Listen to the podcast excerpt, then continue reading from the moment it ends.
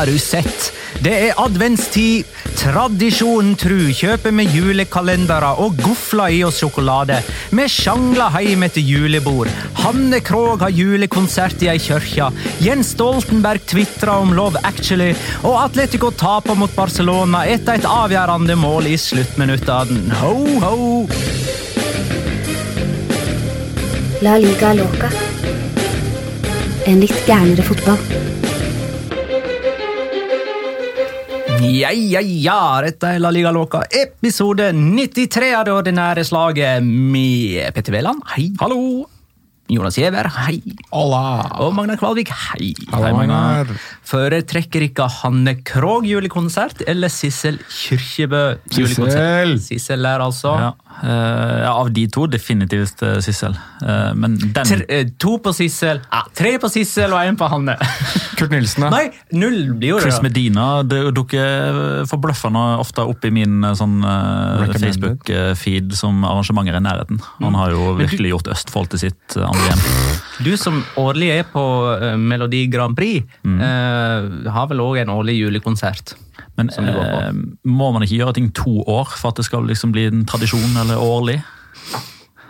Trodde du hadde gjort det to år? ser du? Nei, jeg har vært på Melodi Grand Prix i år, men Det, ikke i fjor. det, det, Ja, telles det- for, det telles fordi at du hadde Melodi Grand Prix-fest der du kledde deg opp i frynsete skjorte og Kona mi hadde det, ja. Jeg var deltaker. Er. Fedora-hatt og det som var. Så du, du jeg syns det er en årlig tradisjon at du gjør noe i hvert fall ut av Melodi Grand Prix. Det kan Nå vi si. Nå blir dratt med.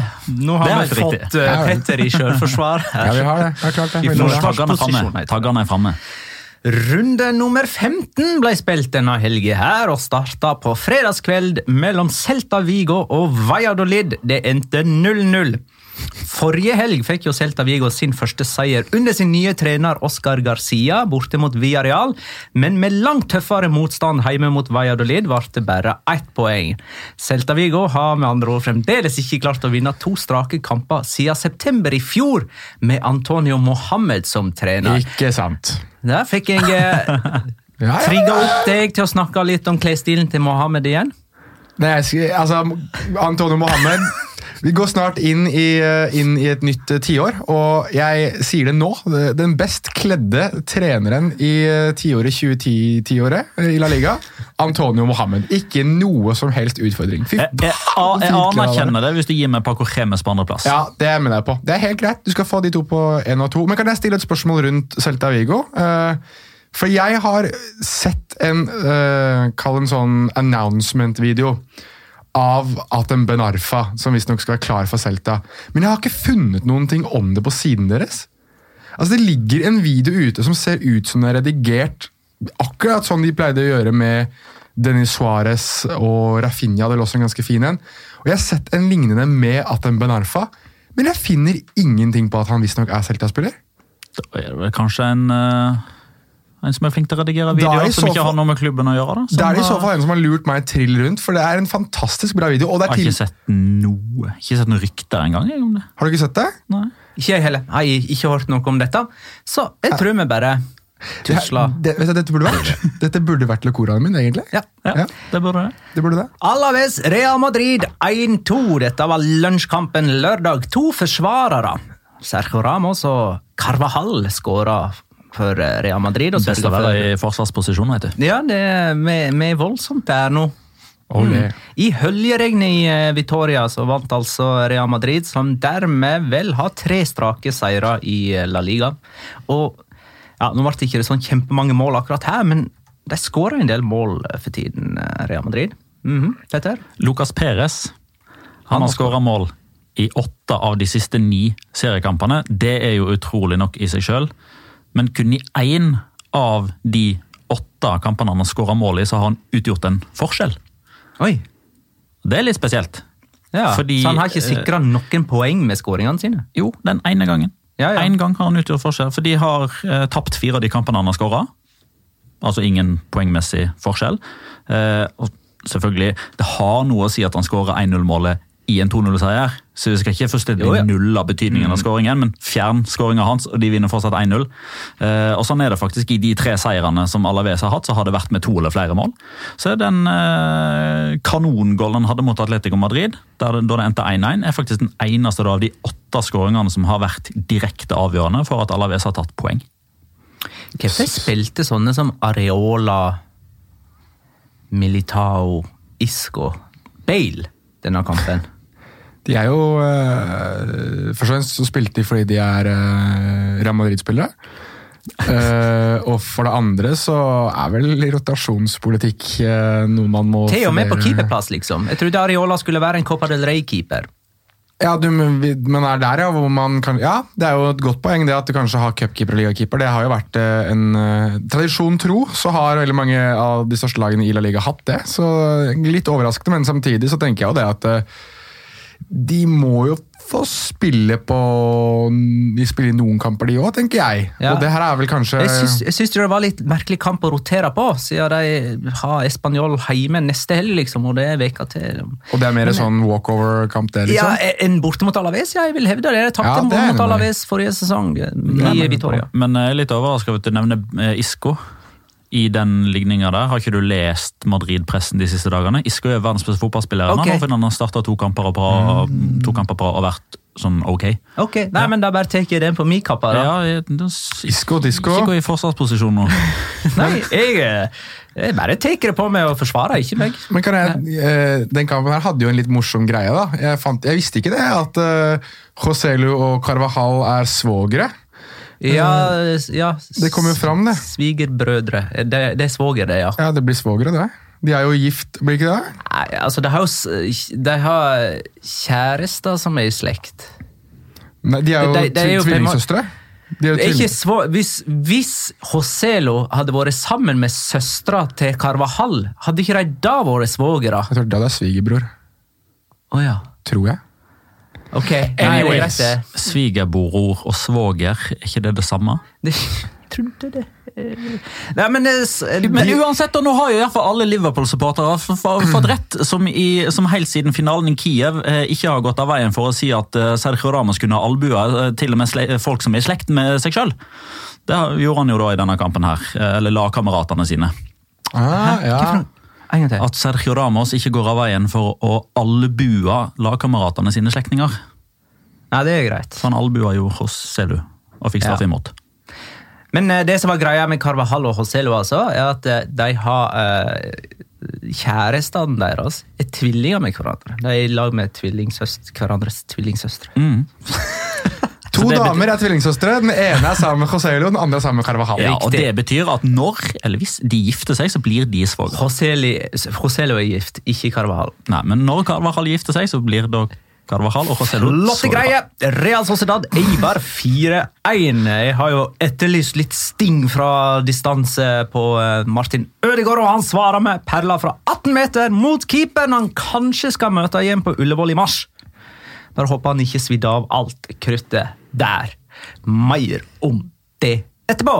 Mallorca Real Betis 1-2. Det er eh, første gang denne sesongen at Betis skraper sammen to strake seire. Eh, Og tradisjonen tru skåra et Jonas Slakt, nemlig Nabil Fekir. Han skaffa sågar straffe i tillegg. Ja, det er verdt å poengtere. I, i, Skal du, er du i forsvarsposisjon nå? Ikke lite grann, lite grann, men eh, jeg, Nei, men jeg, jeg, jeg, jeg kommer til å være helt enig i det Jonas eh, sier nå. jeg eh, har aldri noen gang betvilt kvalitetene til Nabil Feker. Han er fantastisk god. Han er bare så potte sur. Det er det som, er, det som irriterer meg. Men altså, den, den skåringa hans, den, den er klasse, altså. Det er pur klasse fra Nabil Feker. Og når han er spillesugen og han får muligheten til å rettvende seg på rundt 25 og drive innover i banen, eller drive framover, så er det, altså, det er fantastisk å se på. For du, altså, enten spiller han en fantastisk stikker, eller så kommer de der. Han er så god på, i, i de situasjonene Og der. det var kroppsspråk og holdninger du kritiserte den ene gangen du så han live. Riktig? Mens Litt karakter òg, da. Litt karakter, det. Ja, ja. Ble det straff i den kampen her? Det ble straffe nummer 13 og 14 i en Mallorca-kamp på 15 serierunder. Det er ikke verst. Det er ganske utrolig. Første borteseieren til Betis i år, er ikke det? Dette her. Det kan stemme. Ja. Det tok lang tid. Styrmann Spørre er Ruby friskmeldt med 10 poeng av siste 15 mulige. Rubies at the wheel. De er bare 11 poeng bak Sevilla. Det er faktisk foran skjemaet til Kikki igjen i hans første sesong som Betis-trener. Jeg holder på deg, ass. Betis havner over Sevilla. Rubiks kube. Åh, den kampen der så var det jo faktisk Rubi mot Kubo. Rubiks Kubo. Meget bra, Petter. Eh, Ja, men den eh, Åtte av ti. Ja, men hvem er det har lest Jeg tror faktisk vår eh, gode venn Mats Ska skal ha æren for den. Mats Ska ha ja, æren? eh, Ja, jeg lurer ja. Av ti. Takk. Mats skal ha æren. Ja. Mm. Eh, Jeg tror vi er nå på Valencia via Real. Ja, riktig. 2-1. Eh, Valencia med tre seire på siste fire seriekamper og eh, er bare tre poeng bak Champions League-plass nå. Dette er første gang Via Real tar bare ett poeng på fem seriekamper i Primera. Siden Og hva skjedde da? 11-12-sesongen. Da rykker de ned. Kanskje på tide nå med 50 dagers ferie for Calleja. Det trengs. Eh, Eh, veldig kjapt. Jeg eh, fikk jo beskjed sist gang at jeg måtte se eh, Betis mot eh, Valencia, sant? for jeg måtte se Mangala hvor grusom han var. Rakk ikke å se den. Denne kampen her så jeg. Og det, det var nok Det var nok for at eh, blodpumpa mi gikk litt raskere, og det gikk litt hetere mellom øra på meg eh, i den straffesituasjonen. Men løp du halvmaraton mens du så? Nei, jeg satt på, på desken til Nettavisen, så mm, hadde jeg ikke vært i et rom der jeg faktisk eh, hadde ting som ikke var, var- altså, som tilhørte noen andre og ikke meg, så kan jeg nesten love dere at det hadde vært noen tastatur og noen dataskjermer som hadde gått i veggen. Fordi, eh, nei, få det så i, Beklager, du kan pipe meg her nå, men få det så inn i helvete langt bort. Det er så ræva, ræva, ræva, ass! Meyer hadde jeg tenkt at vi skulle snakke om Valencia via Real senere. Det kan vi gjøre. Sevilla Leganes 1-0. Midtstopper Diego Carlos eh, matchvinner med sin første Sevilla-skåring. Kanskje La Ligas mest muskuløse spiller, og den første til å ta av seg trøya når kampene er ferdige. Litt symptomatisk kanskje for Sevilla at eh, det var en midtstopper som skåra etter at en annen midtstopper hadde avslutta og keeper måtte gi retur. da. Men nå er det snart så jeg ikke lenger anerkjenner Jules Condé som midtstopper. Han er en sånn overalt på banen, han nå. Men han er Høyrebenk og god nå. høyrekant igjen. Ja, han, er ganske skikkelig god. Nå liksom. begynner jeg virkelig å forstå hvorfor Monchi sprengte banken. Det gjorde jeg ikke helt etter den. Eibar-kampen. Ja, jeg er ikke helt solgt ennå. Ja, men Da får du litt mer av tid på deg, Jonas. Men. Diego, men Diego Carlos, for å ta han, der er jeg på samme tog som Petter nå. Ha, han er god, altså. Han er skikkelig god. Jeg tror er, de har to gode der. han er årets eh, signering så langt, eller sesongens signering- så langt i La Liga. Sevilla har 30 poeng etter 15 serierunder. Bare én gang tidligere har de hatt flere, og det var i 06-07-sesongen, da de kjempa om tittelen hele veien inn. Da hadde de 34 poeng etter 15 serierunder. Men dette her er jo etter at uh, trepoengssystemet kom inn og sånt. da. Mallorca Sevilla 0-0 nest siste runde. Ødela alt. Den gang da. Mm. Jo mm, Var det i nest siste Det var i nest siste runde, Ja, for eh. Mallorca spilte jo på Santiago Bernabeu i siste runde, Ja. og HC Antonio Reyes gjorde jobben. Helt riktig. Atletic Club Granada 2-0. Atletic vant sin første borteseier forrige helg. Det var jo mot Osasona, som ikke hadde tapt hjemme på evigheter. Og Så fulgte de altså opp her med en ny seier. Og i likhet med Sevilla så har Atletic sin foreløpig nest beste sesong. Bare én gang tidligere har de tatt mer enn 26 poeng etter 15 serierunder. De hadde 29 poeng under Bielsa i 13-14-sesongen. Eh, og så eh, har vi et lytterspørsmål fra Andreas Norum. Rykker Granada ned? Og Som det- eh, Girona. Det er et interessant spørsmål, for uh, som han skriver, da, de har tatt ett poeng siden de var serieleder etter runde ti. Og det kan være at ved sesongslutt så har vi et nedrykkslag som var serieleder etter ti runder. Ja, det Det er, ganske det er ganske sykt. Uh, For jeg, jeg sjekka jo eh, at sånn, Apropos Atletic, det er jo det laget som definitivt har forbedra seg mest fra 14 og 15 serierunder forrige sesong og til nå. Uh, og da jeg la ut det på Twitter, så var det jo en som poengterte kan Granada bli 1920s svar på Girona. For Girona hadde noenlunde, jeg tror kanskje ett poeng mer eller ett poeng mindre, eh, enn hva Granada har nå. Og de rykka ned til slutt. Ja, men Girona holdt ja, ok, greit, de, ikke, de holdt jo seg ett år, og så rykket de vel året etterpå. Ja. Så ja. Granada kan jo gå rett opp gå, gå rett ned. Men, jeg, men altså, når du har midtstoppere som Domingos Duarte, som bestemmer seg for å herpe hele kampen for uh, sitt eget lag og stå og dytte altså Alle du skal stå og tulle med, Hva egentlig snakka mer om denne kampen Det var så mye vi skulle snakke om etterpå, da! Kan vi ikke ta noe Det var så mye vi skulle si nå, da, men liksom egentlig bare sånn kjapt skal gå gjennom runden. Abstinenser, jeg, Magne. Det var en lang eliteserierunde i går. Jeg har lyst til å snakke spansk fotball nå. Español Osasona 2-4. Rundens mest målrike oppgjør. Osasona er nummer ni. Español er fremdeles helt sist og har bare ett poeng på sine åtte heimekamper. Peter Losvik skriver Er de helt sist eller nest sist? Nei, kødder du? Er de nest sist? Ja, Leganes som er dårligst. Leganes. Jeg glemte Leganes. Ja. De er helt sist. Ok, de er nest sist. Peter Losvik skriver Snakk om Español! Det er riktignok ikke i store bokstaver, men det er nå et utropstegn der, i alle fall, så det er ganske klar ordre. Det er flere som har bedt oss snakke om espanjol, skjønner du. Tidligere òg. Ja, Skal vi gjøre det nå eller seinere? Nei, vi får ta det nå, da. Kjapt. Vi får lov til det, altså. Mm, når jeg sier det, så kan vi det. Eh, Danitello lurte også på tidligere, eh, dette er jo en stund siden, om fotball-Spania. Hva de tenker egentlig om espanjol. Altså, det er jo en del av møblementet i La Liga. Det er bare sånn fire ganger de ikke har vært i øverste divisjon. Ja, det er en del av møblementet, men nå må jeg si at den lampa innerst i hjørnet begynner å bli jævlig Ja, jeg skulle akkurat til å si det. Hvilken møbel er espanjol i La Liga-stova? Lenge siden det er blitt brukt, iallfall. Der, Og det har ikke noe bruksverdi. Sånn, Barcelona er på en måte sofaen, eh, Real Madrid er TV-en. eh, Atletico Madrid må være et annet å sitte på. Eh, ok, en stol, Betis er PlayStation. Betis i PlayStation. eh, Salongbordet da, i Atletico Madrid. Espan- Viareal uh, får være kraner som lekker vann og ubåt og sånn. Hvis, uh, hvis eh, hvor hen er espanjol der? Hvis du er- er det kanskje den hybelkanina som ligger i hjørnet? Eller under sofaen? jeg, tenker, Under, under sofaen, som er Barcelona. ja. jeg tenker at det er et tomt barskap. Er det noe nytt der? Et tomt barskap? Men det kan jo fylles opp Ja, ja, Det er jo Ja, egentlig en fin det. analogi, for det kan jo fylles opp med masse spennende innhold. Men akkurat nå er det tomt. Nettopp. Ja, men den, jeg liker den, jeg. ja. Jeg dro er tomt barskap. Eller kanskje Deportivo er barskap, for der har det jo faktisk vært fest. Det har aldri vært fest i Spanjol. Sånn i, i spansk fotballmøblementet. Men de er altså videre i gruppespillet i Europaligaen. Og har jo ei fantastisk rekke De har jo er verdens lengste rekke i Europa! Ja. Uten tap! Samtidig som de bare har hva er det, ett poeng på åtte hjemmekamper, og ser jo ut som et falleferdig mannskap. Jeg må bare få skutt inn. Uh, Mathias Vargas, mens vi er inne på det med veldig gode signeringer med Diego Carlos og Jules Encondé.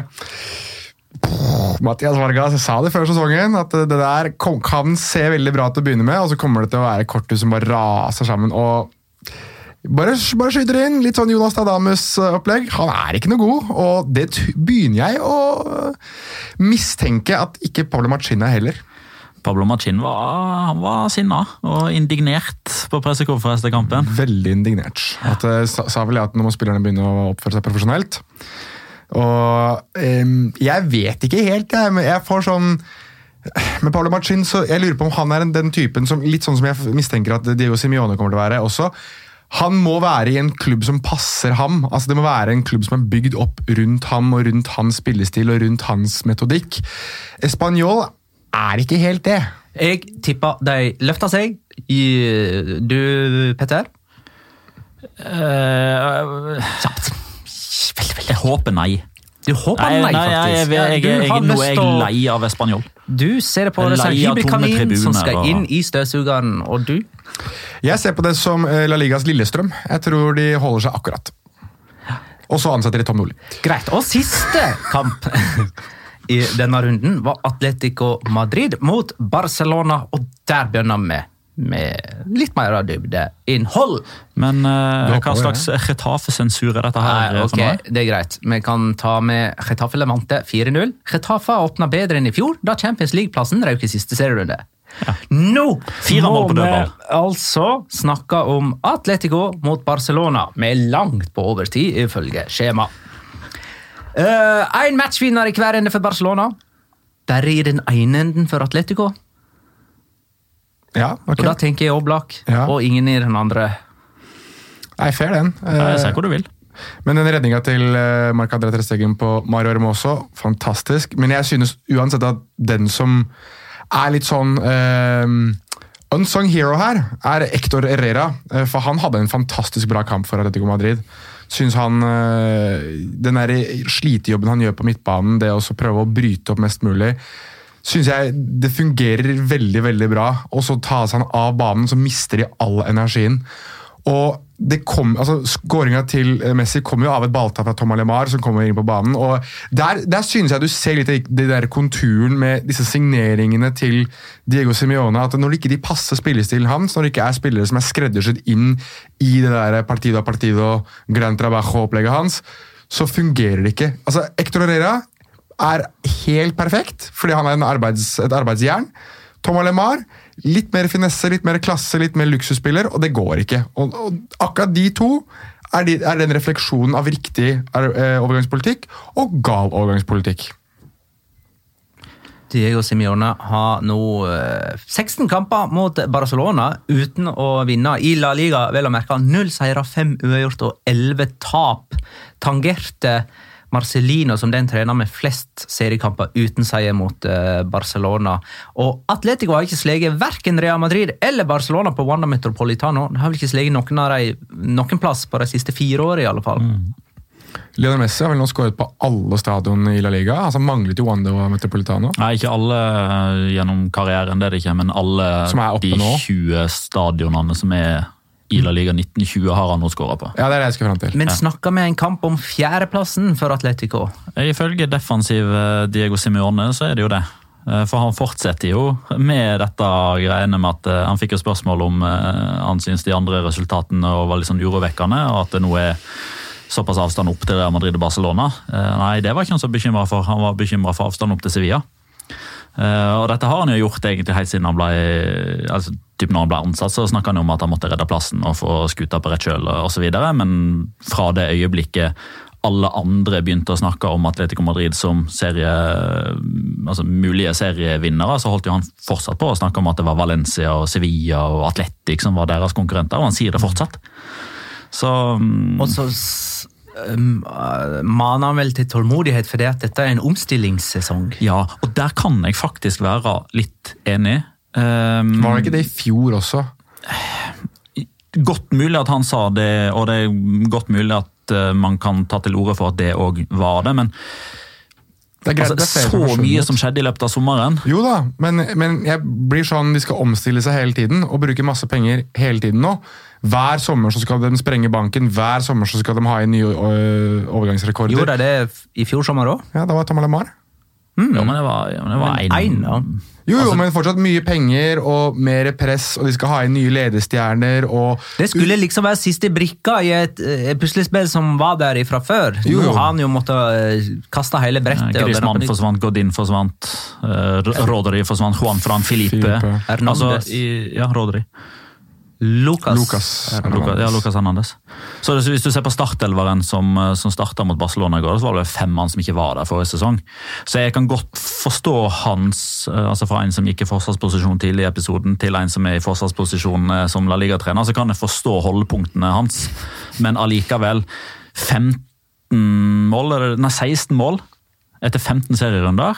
Altså Vi snakker om et Atletico Madrid-mannskap som er rikere enn noensinne. Som har en bedre stall enn hva de ja, skal vi si, Kanskje én eller to sesonger da har de hatt en sterkere stall. Eh, De ble ansatt, eh, eller ansett som La Liga-favoritter. Folk snakker om at de kan være en dark horse i Champions League. Kun én gang tidligere i sin egen La Liga-historie. Selv når de var kaos, rykke ned, drita bæsja på leggen Atletico Madrid, så skåra de flere mål enn hva de gjør nå. Det er vel litt sånn, eh, Når du snakker om at de har et bedre stall enn det som eh, de noen har hatt, så tenker jeg på det Brian Clough-sitatet. At eh, vi hadde et godt lag på papiret, men dessverre så spilles fotballen på gress.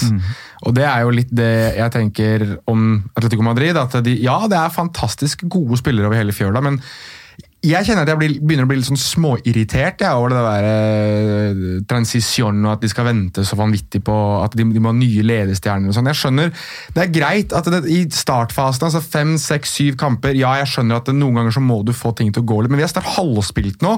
og Det er ingenting med Atletico Madrid som får meg til å tenke at dette her er en tittelkandidat, eller at det de kommer til å bli noe særlig bedre heller. Altså, de bygger- der er jeg litt uenig. Nei, men De bygget absolutt hele fundamentet sitt på et godt forsvar. Det er porøst nå igjen. ikke sant? Jeg synes det ser verre ut. Jeg, jeg er usikker på Felipe, skal jeg være helt ærlig. Jeg skjønner at de måtte ha en rutinert midtstopper inn da Godin forsvant, og at ja, Felipe var kanskje litt undervurdert egentlig i, i Porto, men han viser at han er ikke Jeg syns ikke han er god nok for et lag som skal utfordre for tittelen i La Liga. Han kunne fint gått inn på et Valencia for eksempel, da, som skal ligge og kjempe om Champions League-plass, men dette, vi ser jo da at han kanskje igjen er en refleksjon av den situasjonen som er i Atletico Madrid, der det er fjerdeplass, der det er tredjeplass de kanskje må tenke på i år. Men er det godt nok for et kravstort Atletico Madrid nå, som har ny stadion, som har mer penger, som du sier, som har en bedre stall, som du sier, som har kanskje en av verdens fortsatt mest ettertraktede trenere, i hvert fall topp fem på lista. Er dette godt nok? Og Da mener jeg at svaret er et rungende nei, basert på de siste fem årene der de har levert. Ja, men Det skal ikke jeg argumentere så veldig mye imot, men grunnen til at Felipe Augusto spiller denne kampen også mye som han gjør nå, er jo at Jimenez og Savic har vært skada i halvannen til to måneder. Jo, jo, men Da mener jeg at da synes jeg rekrutteringen deres er for dårlig. Da er vi mer i Tom Alemar enn vi er i Hector Herrera-kategorien hva angår Felipe. Nå var jo ikke denne kampen her så dårlig, da. For Nei, og Jeg syns de var sine- gode mot Juventus i tillegg. Fire dager i forveien. Fikk jeg ikke sett. Forskjellen på lag i eh, Altså, to gode keepere. Men eh, Barcelona har en sånn en som Messi. Messi har skåra 28 mål på pasning fra Suárez. Suárez har skåra 28 mål på pasning fra Messi. Så i dette årtusen er det her den giftigste samarbeidsduoen i La Liga, med til sammen 56 skåringer produsert i samarbeid. Og Det er vel med ganske klar margin ned til er det Cristiano Ronaldo og Karim Benzema. Ja, de har 40 mål. Trodde kanskje Mesut Özil eller Cristiano Ronaldo var eh, der oppe. Men anyways. Spilte Ja. kanskje ikke nok sammen. Ja, men jeg tror hvis de hadde spilt, fått mer tid sammen, så hadde Ja, det de. For det var, det var, eh, det var en god kombo. Øzil til Cristiano på kamp nå, var ikke det den Kalma-Kalma? Det var- jo, jo. Men det gikk jo aldri hinvegen der, da. Hinvegen. Andre veien. Ja, sånn. At eh, Ja. Cristiano Ronaldo serverte Øsil. Nei, nei, men det kunne godt ha vært 60 i favør Özil Jan. André Meraz Hagen skriver hvor spesielt og fascinerende er at Argentinas Martin Ødegaard senka Atletico for en annen gang. Jonas skjønte ikke. Jeg liker Jo, det. jeg gjorde jo for så vidt det. Jeg liker det. Eh, Pierre skriver Er Dembélé den perfekte makken for nye håpefulle Barcelona-angripere? Så gode at, han må holde, eh, at de må holde seg skjerpa, men så skada at de alltid får rikelig med sjanser. Stakkars Dembélé. Har jo litt synd i Jeg synes litt synd i han, da. Eh, Men har ikke han Ta kort om det. Har ikke han bedt om en sånn skikkelig redegjørelse nå om det koster sesongen hvis det må, liksom? Nå, nå må vi få orden her. På si, helsa. med unntak av Clément Longlet, kanskje, så er jo Catalonia eller Barcelona blitt det stedet der franske stjerner drar for å dø. Det er jo altså Umtiti, Dembélé, Griezmann Mathieu. Gode, gamle Mathieu. Skal vi dra ned helt langt til Ronald Dutruel, for de som husker han eh, da han sto i mål? Men nei, jeg, jeg, eh, synes, jeg syns det er veldig rart, det, det hele Dembélé-situasjonen. og Jeg er enig med mange at det er veldig sørgelig å se, men jeg, jeg tror at jeg tror han kunne hatt godt av et sceneskifte. Ja. jeg tror han kunne hatt godt av å dra tilbake til, eh, til Frankrike kanskje, og finne en klubb der som type Marseille, type Paris Saint-Germain, som, som, der han kanskje er litt mer rundt hva skal jeg si for noe, sine natural habitats. eh. Men Barcelona viser jo igjen at de er i stand til å ta skalpen eh, på motstanderen sin. I kamper der de sliter, egentlig, altså der det er helt jevnt, så har de det vesle ekstra som bikker i deres favør. Det var liksom, det var dødballer mot Leganes, og så er det en, en kombinasjon mellom Messi og Suárez her mot eh, Atletico. I tillegg da til Ter Stegen, som Det er en fin egenskap å ha, det. Ja, det er mektig, faktisk. Håkon spør jeg, har dere tanker om den nye serien om Barcelona? Matchday. Har dere hatt tid til å sjekke den ut? Nei. Svaret Ja. mitt er nei, har jeg ikke sett. Jeg har sett uh, halvannen episode. Og den er vel sånn som uh, City-dokumentaren og Six Dreams. Og Det er jo vel bra, ikke da. Så, ja, men det er liksom det, Jeg føler jeg har sett det før, bare at nå er det liksom andre Altså, typ Mjøndalen. Uh, altså, det, det er bare en v- variant av det. Er du Barcelona-supporter, så er det gull. Eh, jeg gleder meg til jeg kommer til dit man får se behind the scenes eh, for hva som faktisk skjedde på Anfield. Eh, kanskje får man litt svar på hvordan Ernesto Valverde driver man management, som visstnok da er så bra, og grunnen til at han fortsatt sitter i jobben, hvorfor han er så populær blant spillerne. Det kan hende at man får litt svar på, på det, da, men jeg tror ikke man setter seg ned og ser den dokumentaren om, om Barcelona og blir blåst av banen. Det tror jeg ikke. Dette er på Rakuten TV. Naturligvis. Altså, eh, ja, Da fikk, fikk de litt reklame, og, og da er det på en måte den endte streamplattformen og den endte fotballdokumentaren, og det blir faktisk litt for mye for meg. Ja, altså, Juventus hadde, altså Det, det Ja. finnes jo knapt en altså Tottenham holder jo på med det nå. altså Det var jo en av årsakene til at Pochettino og Daniel de gikk på- i Tottenham på hverandre. og Skulle ikke de på Amazon? Jo, jo. I det minste, sånn at det nå er eh, en etablert Jo, stream. ja, men Det er noe på Amazon, noe på Netflix, noe Jo, ligger på HBO, noe kommer Rakuten. Har du Ja. kjøpt Rakuten-abonnement? Jeg tror man får Det det gratis en stund, sånn som man gjorde med Amazon og Netflix og HBO. Man får jo ha det gratis i begynnelsen, og så kommer pengene. Glemmer Penger til kravet etterpå. Disney Pluss begynner å kjøre noe sånn greier, de også. Eh, Men Ja, ja, det kommer det òg. man må en, eh, man må opprette en sånn profil på denne Rakuten TV òg, ikke sant? Ja. At man, De skal ha Ja, en mailadresse. Ja, og så skal de vel ha kredittkortet og Niks, jeg har ikke gitt dem noe som helst. Nei, okay. Kan man bruke så mange man Kan man, kan man se så mange, man samtidig? ikke. Eller er det en rakkvote? Øy. Skulle Piquet hatt sitt andre gule kort før uh, han ble skada? Altså, jeg, Ja. er, jeg er litt usikker på om det hele tatt er et frispark, men når han først blåser, Ja. så mener jeg at han bør dele ut gult kort. Ja, skulle ha men det var kort. ganske tydelig at Matheo Lahos ville ende denne kampen med like mange spillere på banen som starta. Det syns jeg er feil. For Vitolo skulle jo òg da ha fått sitt andre gule. For så vidt. Ja. Nei, men det er greit. Jeg tenker at eh, vi beveger oss videre til Baskerland. Eh, det er den regionen i La Liga med flest lag. Fire. Og to av dem er i kamp om fjerdeplassen. Både Real Sociedad og Atletic har allerede tatt mer poeng nå enn de hadde etter halvspilt sesong i fjor. Um, når det gjelder Real Sociedad, da, de vant jo 4-1 nå hjemme mot Eibar, men fortsatt så jeg sliter litt med å bli klok på dem. Det er sju lag bare som har færre heimepoeng enn Real Sociedad. Noen av de lagene har riktignok spilt eh, hvordan blir det? I flere heimekamper enn Real Sociedad. det skal sies. Men de avga jo poeng både mot Retafe, Levante, Leganes. Eh, kan vi, eh, kanskje De var jo liksom på vei mot å gjøre det igjen, da, på samme måte som i de øvrige, med en personlig feil. De tok ledelsen her, og så utligna jo Eibar ved en feil av Sobeldia, som kanskje blir ofra den dagen Iaramendi er tilbake, og kanskje fører det litt, til litt mer stabilitet. Der, der tror jeg vi er inne på eh, et, et mulig svar på spørsmålet hvem eh, er viktigst i Real Sociedad. Hvem sitt fravær merker man mest? Det er klart, Nå har vi jo ennå ikke denne sesongen sett Real Sociedad uten Miquel Sabal. Det har man riktignok gjort tidligere sesonger, men for å holde det konkret til denne sesongen. her da. Eh, man har ikke fått sett det så veldig uten Porto, som jo riktignok har vært en faktor når han har kommet inn og endra matchbildet. Man har sett eh, Real Sociedad i to kamper uten Martin Ødegaard. Men den forskjellen det er på Igor Sobeldia og Asieri Aramendi, den er markant. Eh, vel å merke hvis Asieri Aramendi finner den beste utgaven av seg sjøl. Mm. Og spesielt syns jeg det blir tydelig når, eh, med ball. Så, så gjør ofte en eller annen Zubeldia er strålende, han. Han bør, Jo, jo. Han, han bør omskoleres til stopper.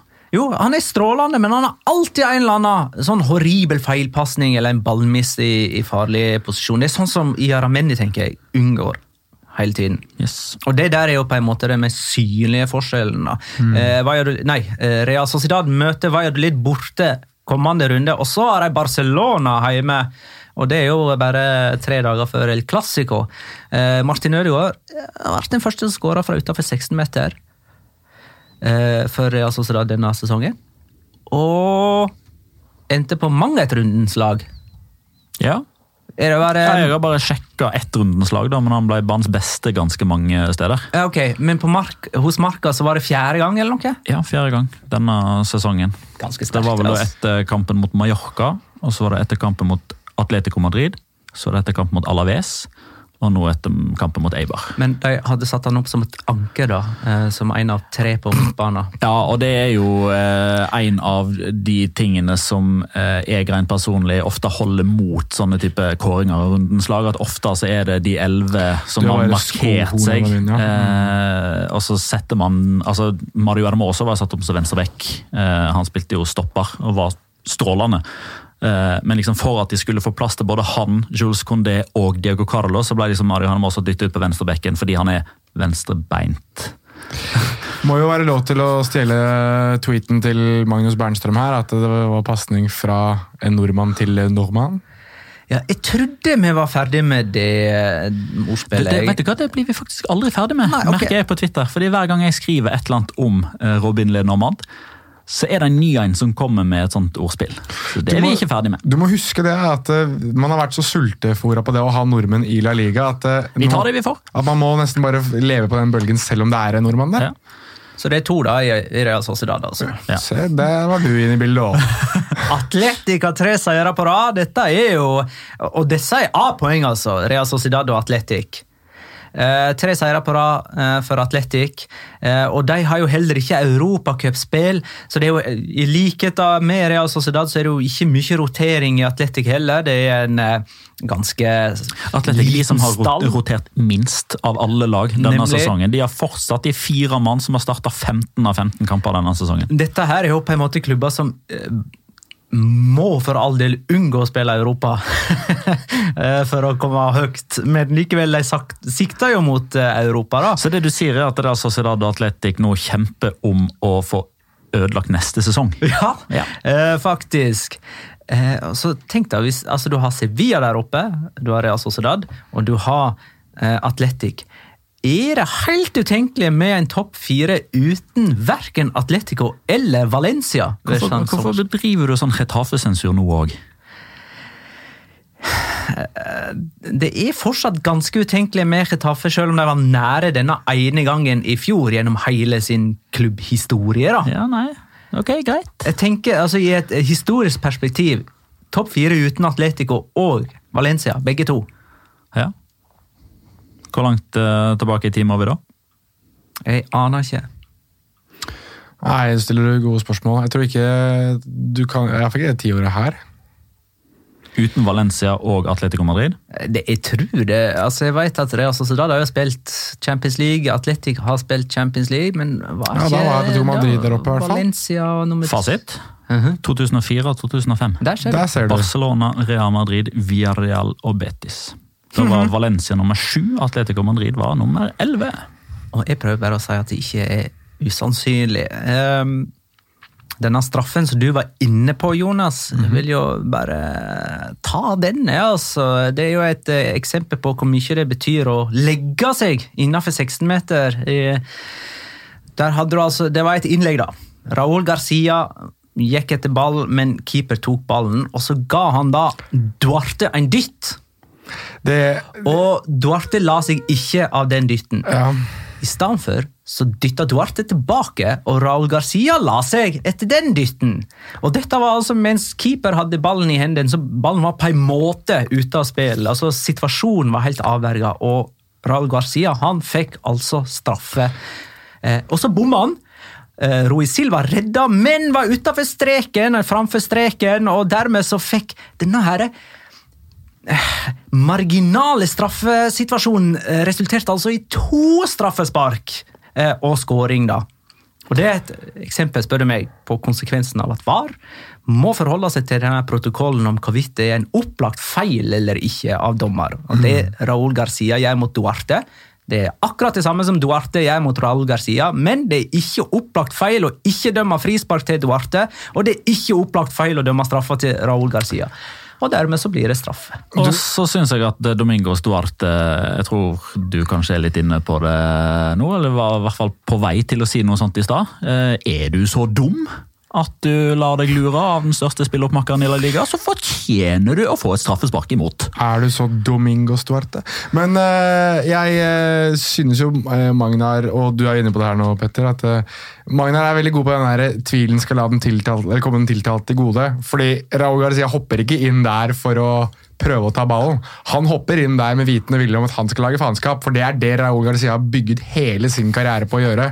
Og han klarer det, og han vinner straffespark til syvende og sist. Så eh, jeg tror ikke han gjør det så, med så veldig rene hensikter sånn egentlig. I hvert fall slik jeg har lært meg Raúl Garcia å kjenne. Det er ingen som mistenker han for å gjøre heller. Det, det er bare for å fucke opp.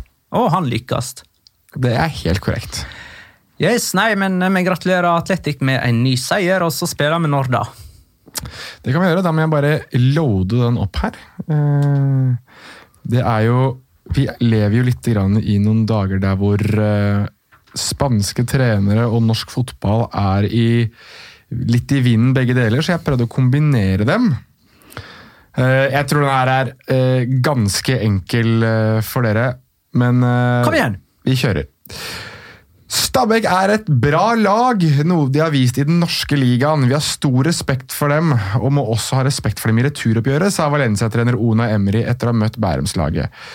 Det var eh, sensommer, og Emry hadde nettopp tatt med seg et stjernegalleri til den østlige delen av Norge for å spille kvalifisering til Europa League.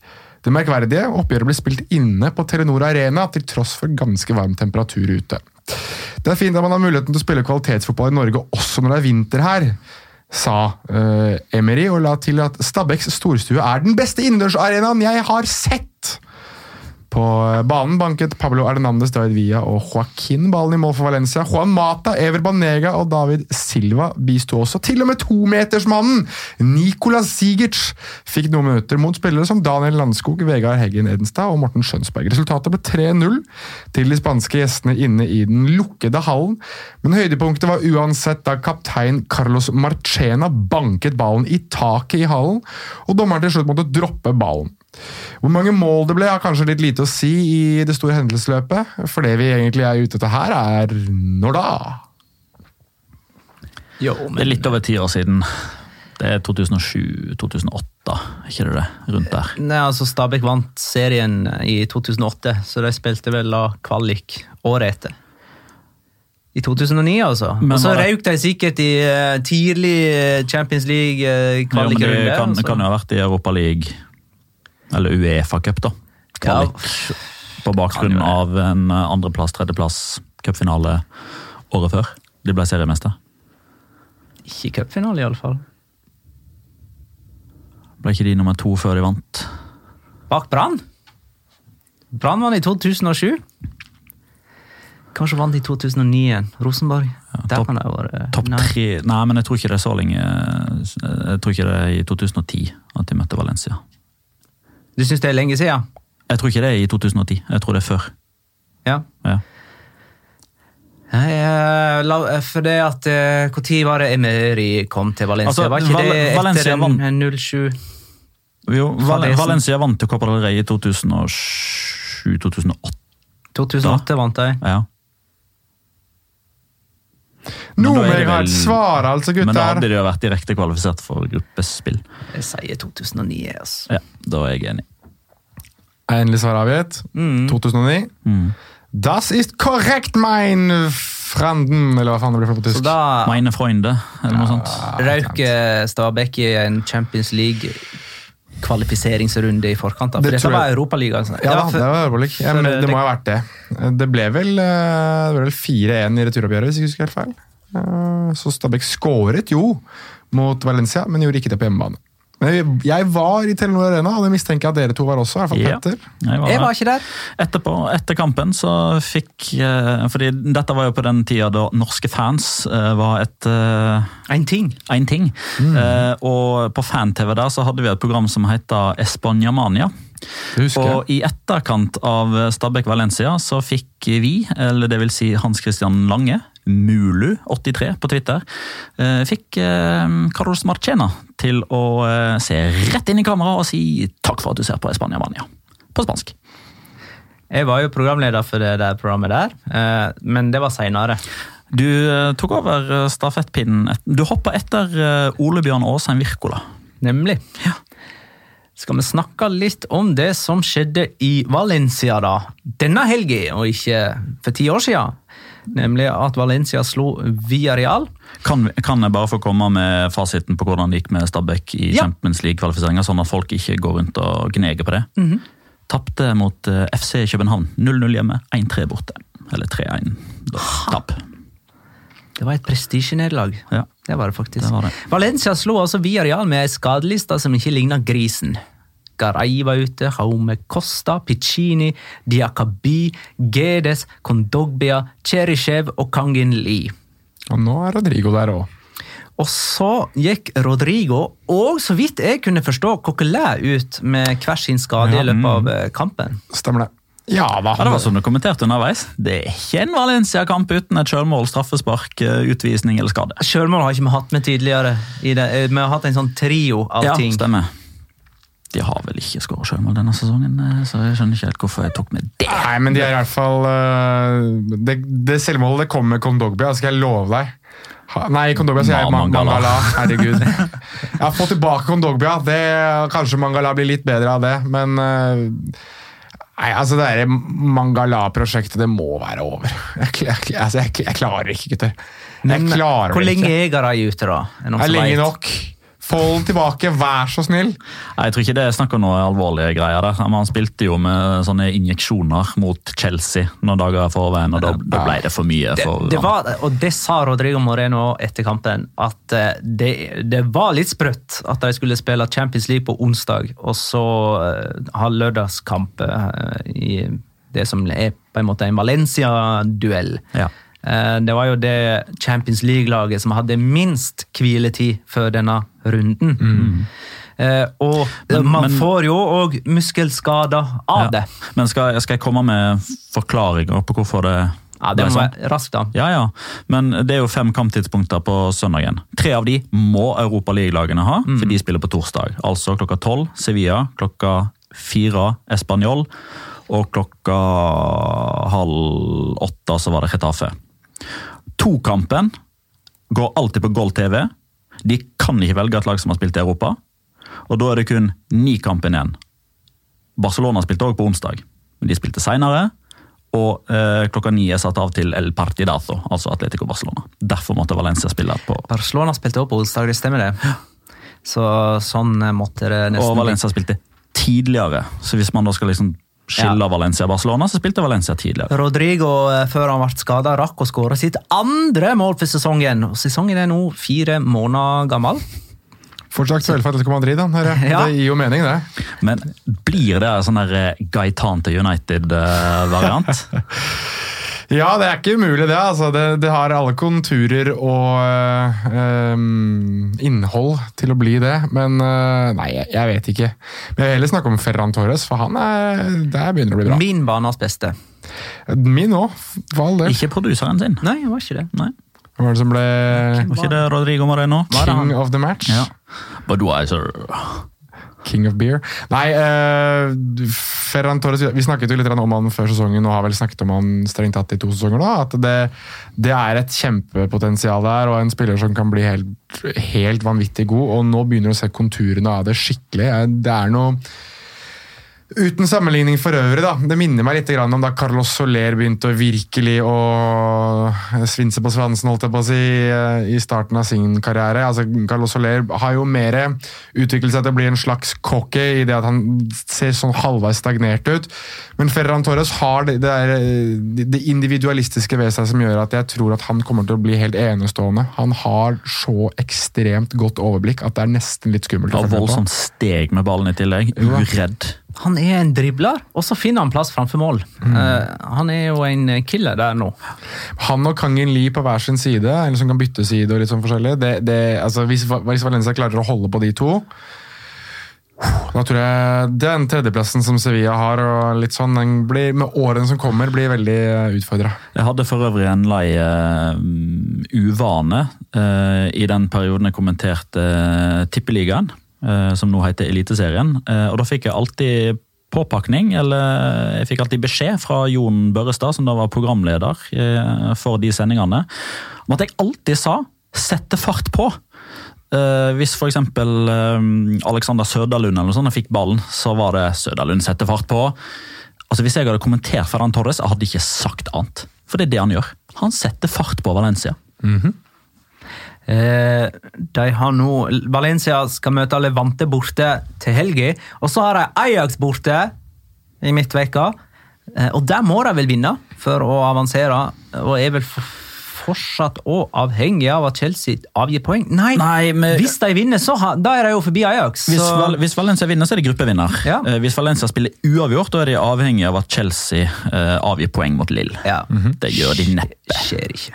Men det er klart, tapte mot Westham, da. Så Det skjedde. Det er ganske sånn grei, eh, grei rekke for eh, Valencia nå, med Chelsea, Villarreal i, i derby, Levante i derby, og så Ajax. Og så Real Madrid. Og så Real Madrid. Det er litt sånn syreprøve for Salades nå. Trenger ikke flere muskelskader da, altså. Nei, melkesyreprøve. Men har det, kommet, har det kommet noen rapporter på eh, Coquelin og Rodrigo? Nei, eller det kan ha skjedd, men jeg har ikke fått det med meg. Jeg har ikke fått det med meg, men sikkert noe Altså Det så ut som en strekk i hvert fall på, på Rodrigo, så jeg regner med at han er ute en liten periode. Eh, Noe annet vil overraske meg. Ja, og. Villarreal tapte altså kampen, eh, og har jo hatt da en elendig periode. En eh, rekke med elendige resultat mot lag som Eibar, Mallorca og Celta Vigo. Og er nå inne i en periode med Valencia, som de møtte, og Atletico Madrid, som er på fredag, og Sevilla eh, deretter. Eh, og eh, dette påpeker jo Petter M, da. Eh, fortsetter denne formen Altså, klarer de å snu dette? Denne trenden mot lag som Atletico og Sevilla. Nå skal jo vi tippe på Via Real Atletico senere, så da kan vi jo få en eh, indikasjon der. Men jeg må jo spørre Petter, da. Eh, Straffesparket til Gerard Moreno. Har du noen sånn kjapp kommentar? Den straffestatistikken hans er nå litt dårligere enn det jeg Ja, det var det jeg skulle til å si. Jeg ville heller bare skippe den over til Magnar, som jo eh, sa at Gerard Moreno var sånn halvveis ok på straffe. Ja, Han er ikke så god på straffe. Nei. Altså, den, Ta statistikken nå. Ja, Bomma på fire av seks. Ja, det er for dårlig, altså. Det er rett og slett for dårlig. Det, det er for dårlig, Kenneth. Det er ikke godt nok, Det er Kenneth. ikke godt nok, Kenneth. Kjetil Velle har jo Kenneth spørsmål Omero. Jeg liker å kalle han Kjetil Veie, men eh, det er kanskje litt for spansk nerdete. Kjetil Velle. Ketil. Ketil til og med. Mm. Skrives sånn. Se det nå. Går Calleja runde to mot slutten? Eh, runde to eller runde tre? Runde tre på han, da. Så blir runde fire. Er han i runde tre? Ja, for min del så er han det. Han fikk en dobbel For- Altså, Runde én inne, runde to ute, runde tre inne igjen. Og sånn, sånn tenker jeg. Ja, men eh, det er jo egentlig et enkelt ja-nei-spørsmål, dette. Nei. Nei, han fortsetter ut sesongen, sier du. Ja, ja. Ja, jeg kan kan ikke være uenig i det, men jeg Klart du kan det. Tja, Nei, jeg kan ikke det. Men eh, Nei, jeg, jeg regner jo med det. Men jeg synes jo med de navnene som er tilgjengelige At det går mot slutten. Nei, at han blir værende, men Ja. jeg synes jo med de navnene som er tilgjengelige, så burde han få uh, Burde han snart få sparken. Ja. Jeg vil jo tro at Kikki Setien kunne vært den type som kunne kommet inn der. Ja. Kikkiset igjen, han må snart lønne oss nå. For å proklamere hans navn i histen og pisten. Jeg syns han skulle tatt Arsenal, jeg. det var det jeg mente. Og nå er Ole Emery eh, tilgjengelig. Ona Emery til Villarreal, der har du det. Ja takk. For uh, min kollega Sverre Enic spør jo om Setien ligger under et juletre. Og jeg liker det bildet, bare sånn i rent, uh, ren bokstavelig forstand. Jeg har lyst til å se Kikki Setien ligge under et juletre. Innpakka eller ikke innpakka? Helst ikke. Litt sånn der, Prøve å ligge rundt stammen så godt som mulig. Altså, med kle på. Altså, Jeg vet ikke hvordan dere fikk dette til å bli seksuell humor og eh, sånn. eh, Det klarte du fint sjøl. Ok. Innpakka eller ikke innpakka? Ja, altså, julegavene er jo innpakka. Ja, jeg vil helst se han i, som seg, og ikke gjemt under juletreet. Han skal ligge under juletreet. Okay. Vi har Børi Vei og Vi går til igjen, spiller. ligger under juletreet. Ja, Det er Petter denne gangen. Mm. Skal du spørre om jeg skal ha musikk? Ja, Ja, jeg, skal, jeg vil ha musikk. Greit, da er det tid for rundspiller ved sjølveste Petter Wæland. Fotball er en komplisert, men likevel ganske enkel idrett. Det er 11 spillere på hvert lag, 22 totalt når kampen starter. 20 av de springer og springer, mens to står mer eller mindre i ro. På sett og vis så kan man kanskje si at de er tilskuerne med den kuleste plassen på stadion, men da lyger vi. Da tar vi feil. Det er derimot ikke feil å hevde at det som regel er de offensive spillerne som stjeler overskriftene. Benzema vipper kampen i Real Madrids favør. Parejo straffe sørger for Valencia-seier. Lionel Messi signerte dødsattesten til Atletico. Det siste eksempelet er tatt fra Marca sin kamprapport etter Atletico Barcelona, og er antageligvis deres måte å konstatere at Messi sendte Atletico ut av gullkampen. Det de derimot ikke får sagt med denne overskrifta, er at det var en annen spiller som holdt Barcelona i live fram til argentineren messierte. Han har sagt i media at folk ikke vet hvor vanskelig det er å være keeper, men problemet i så måte er at han sjøl er blant de som får det til å se enkelt ut. Fra orkesterplassen ser han Messi utøve sin magi. Han ser de Jong vokse for hver kamp, og at Lenglet er i ferd med å bli en stopperkjempe. Men han ser òg at Piquet og Suárez er i ferd med å gå ut på dato. Han ser på Junior Firpo som er nervøs. Han ser på Sergi Roberto som spiller back uten å være back. Han ser på Rakitic som er inne i sin siste Barcelona-sesong. Han ser på Arthur som er inn og ut av laget, og han ser på Griezmann som ikke får det til å løsne. Han så òg at Mario Hermoso fikk stå helt alene på fem meter, men dro fram en praktredning da Barcelona behøvde det som mest. Han så òg at Alvaro Morata steg til værs etter en corner, men han fikk stoppa ballens ferd mot mål og sørga nesten egenhendig for at Barcelona gikk til pause med 0-0. Deretter gikk det som det måtte og pleie å gå, og han er jo ganske så god, han der med drakt nummer ti, som dagen etterpå ble kåra til verdens beste fotballspiller. Men jeg vil korrigere overskriften til Marka lite grann.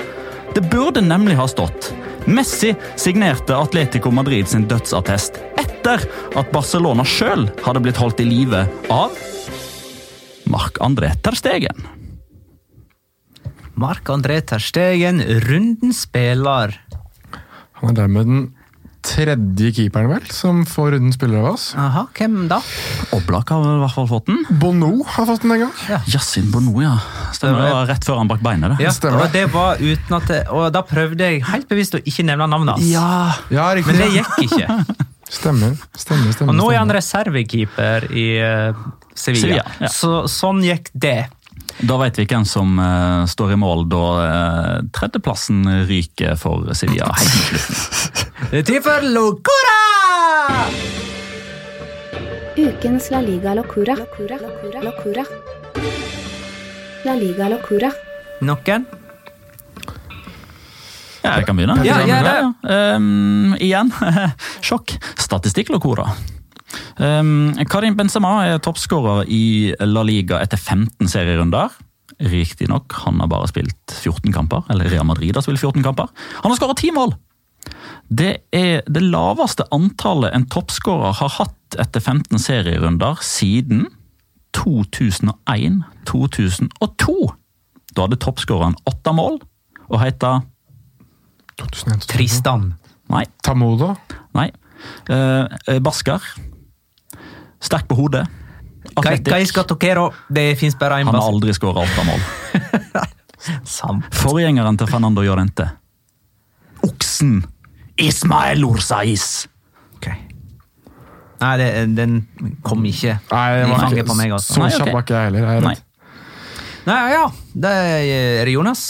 Ja, jeg kan godt ta den, jeg. Eh, jeg har jo eh, Synes jo det var litt sånn oppsummerende av både eh, hvor vi er hen i, i verden, og det nye systemet var på slutten av kampen mellom Sevilla og Leganes. For Sevilla leder jo 1-0, og det er jo eh, altså Leganes kaster jo alt sammen framover i banen helt på tampen og får en corner. og Når du ser kamerabildet på den corneren som slås inn helt på tampen, så ser du ikke eh, Ivan Cuellar, men han kommer jo flyvende inn i feltet der, som kun Ivan Cuellar egentlig kan, tror jeg. Keeperen til Leganes var altså oppe i, eh, på en eh, offensiv dødball. Ja, og det blir jo fullstendig Picassos Guernica inne i feltet. og eh, til Thomas Watzliks eh, forsvar her, siden vi skal i forsvarsposisjon i dag.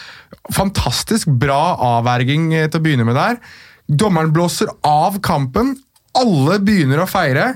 Og så blåser De Burgos Bengochea en gang til og slenger to fingre mot øret. Det er var, og du bare hører du hører det over skjermen at hele Ramón Sánchez Pizjuan blir sånn Å nei! Å nei! Og du ser spillerne titte på hverandre, og du ser Leganes-spillerne får sånn håp i øynene sine, og så går det ikke veldig lang tid. Det går et halvt minutt, men det halve minuttet der er et halvt minutt med ren pura locura, som er så nydelig, og som jeg synes er eh, det nydeligste med VAR. For at du får følelsen, det oppildende følelsene én siste gang! Si, si ventetiden er spennende. Si det. Ventetiden er spennende. Nemlig. Det er Det er ikke dødtid når man Nei. sitter og venter på en vareavgjørelse. det er spennende, det. Men det det. avsluttes med at det Burgos Bengochea da peker mot garderoben. Kampen er over, og man får enda et jubelbrøl! Det var en potensiell straffe der, men jeg så, det. det, som, som kommentator sa Good luck in trying to make sense of all of that. Så, for det var, Ja, det var jo en potensiell hens-situasjon de så på. Eh, Min uh, locora går til Deportivo La Coruña. Vi skal ned i Segunda. Uh, de slo Real Oviedo Det i tomme barskapet. Det tomme barskapet? Ja. Nei, var ikke det spanjol? Nei, jeg, jeg nominerte Deportivo, for der har det vært fest. Ja, ok. Men Deportivo slo altså Real Oviedo i første serierunde av Segunda, og har siden ikke vunnet en eneste kamp. De har 17 seriekamper på rad uten seier. De har 12 poeng og ligger helt på bunnen av Segunda. De ligger ikke Leganes nede for å finte meg ut. Eh, Og med 0-0 nå mot Lugo, en annen galisisk klubb, den tredje strake uten skåring for Deportivo, så legger altså midtstopper Nolascoain, som er på lån fra Atletic, han legger ut en video på Instagram der han altså ligger henslengt enten i sofaen eller i senga og sier vi er så ræva. Vi kunne ikke engang slå et Onse-lag. Og da forstår jeg Onse som en sånn herre, en, en veldedig organisasjon for blinde og uføre. Eh, I, stedet for så i stedet for å gå ut og drikke meg full for å glemme hvor dårlig jeg er, sitter jeg her som en retard. Dette sier han. Eh, Det er helt, det er, det er helt sjukt å melde. Eh, Men eh, også har han beklagd dette det. til sine lagkamerater. Han har beklagd det òg til Deportivo La Coruña, og han har beklagd det til Atletic. Alt sammen. Men til oss jeg tror ikke han har beklaget noe, så vidt jeg kunne lese av den meldingen. Ei heller til Lugo. Eh, han har mye å beklage der, tenker jeg da. Men eh, hva, hva er det man pleier å si i sånne situasjoner, Jonas? Det skjedde! Det skulle ikke skje! Vi går gjennom rutinene våre for å passe på at det ikke skjer igjen. ja, Og så har det vært ei tøff tid for meg og laget. Ja. Og det der. ja. Eh, litt spooky greia, den der. Men jo, og så forklarer han jo også selvfølgelig at dette her var egentlig en privat. Den skulle ikke gå ut eh, sånn publicly. Det, mm. Jeg vet ikke om det er noe man må huke av for da, på Instagram. Jeg har ikke det. Det er litt sånn som de folka som eh, klarer å legge ut eh, bilder av kjønnsorganer osv. på Snap Stories og Instagram Stories. Det som er Ja, Han burde de vel kanskje ha spurt Ever Banega først om hvordan man gjør eh, sånne ting riktig. Jeg tror Ever Banega var i MSN-generasjonen. og eh, Der tror jeg det rett og slett var noen som bestemte seg for å eh, Der er det faktisk privat! Men noen bestemte seg for å legge det ut. Det kan ha skjedd i dette tilfellet alt jeg Jeg er i forsvarsposisjon for Ever Banegas edret. Og Peru Nolascoain, kanskje. Vi må tippe. Eh, Forrige kamp var Atletico mot Barcelona. Jonas hadde 1-1 med Messi som første målskårer. Traff på Messi, da. To poeng. Oppe på åtte. Magnar hadde 1-2 med Messi som første målskårer. Det gir tre poeng. oppe på 17. Petter hadde 1-1 med Grismann som første målskårer. Det gir null poeng. Du har 15. Så for første gang så leder jeg. Da pleier Petter å klinke til med en fempoenger. Men det er jeg som begynner nå. Villarreal Atletico. Fredag klokka 21. Ikke i Miami, men på La Ceramica. Same, same. Ja, det var litt morsomt. Jeg sier 1-2 og Sjau Felix. Jeg har 1-2 og Morata. Det blir tre poeng på deg, da, Magna. Uh, Nå skal jeg ta en sjanse. Og Dette kommer til å være den som gjør at jeg taper hele driten. 0-0. Ja, for eh, du har jo fortsatt store sjanser for Nei, ja, 0-0 og eh, ingen Du, vil, du kan tippe målskårer likevel. Du kan helgardere, men det er klart, da forsvinner forsvinner ikke- muligheten for å få fem poeng. da. Ok, Så han får fem poeng hvis han ikke har målskårer òg? 0-0. Fem poeng til Jonas, i så fall. Det må det jo være. Fordi det er ingen målskårer. Ja, men hvis han sier målskårer, da får han bare tre poeng hvis det blir 0-0. Ja. Ja, sant? Så du sier ingen målskårer, du? Greit! Jeg gjør jo det, åpenbart. Nei, altså, Jeg tenkte du kunne ha gardert det, liksom. Nei da, Jonas er jeg, ikke i en posisjon der han kan gardere.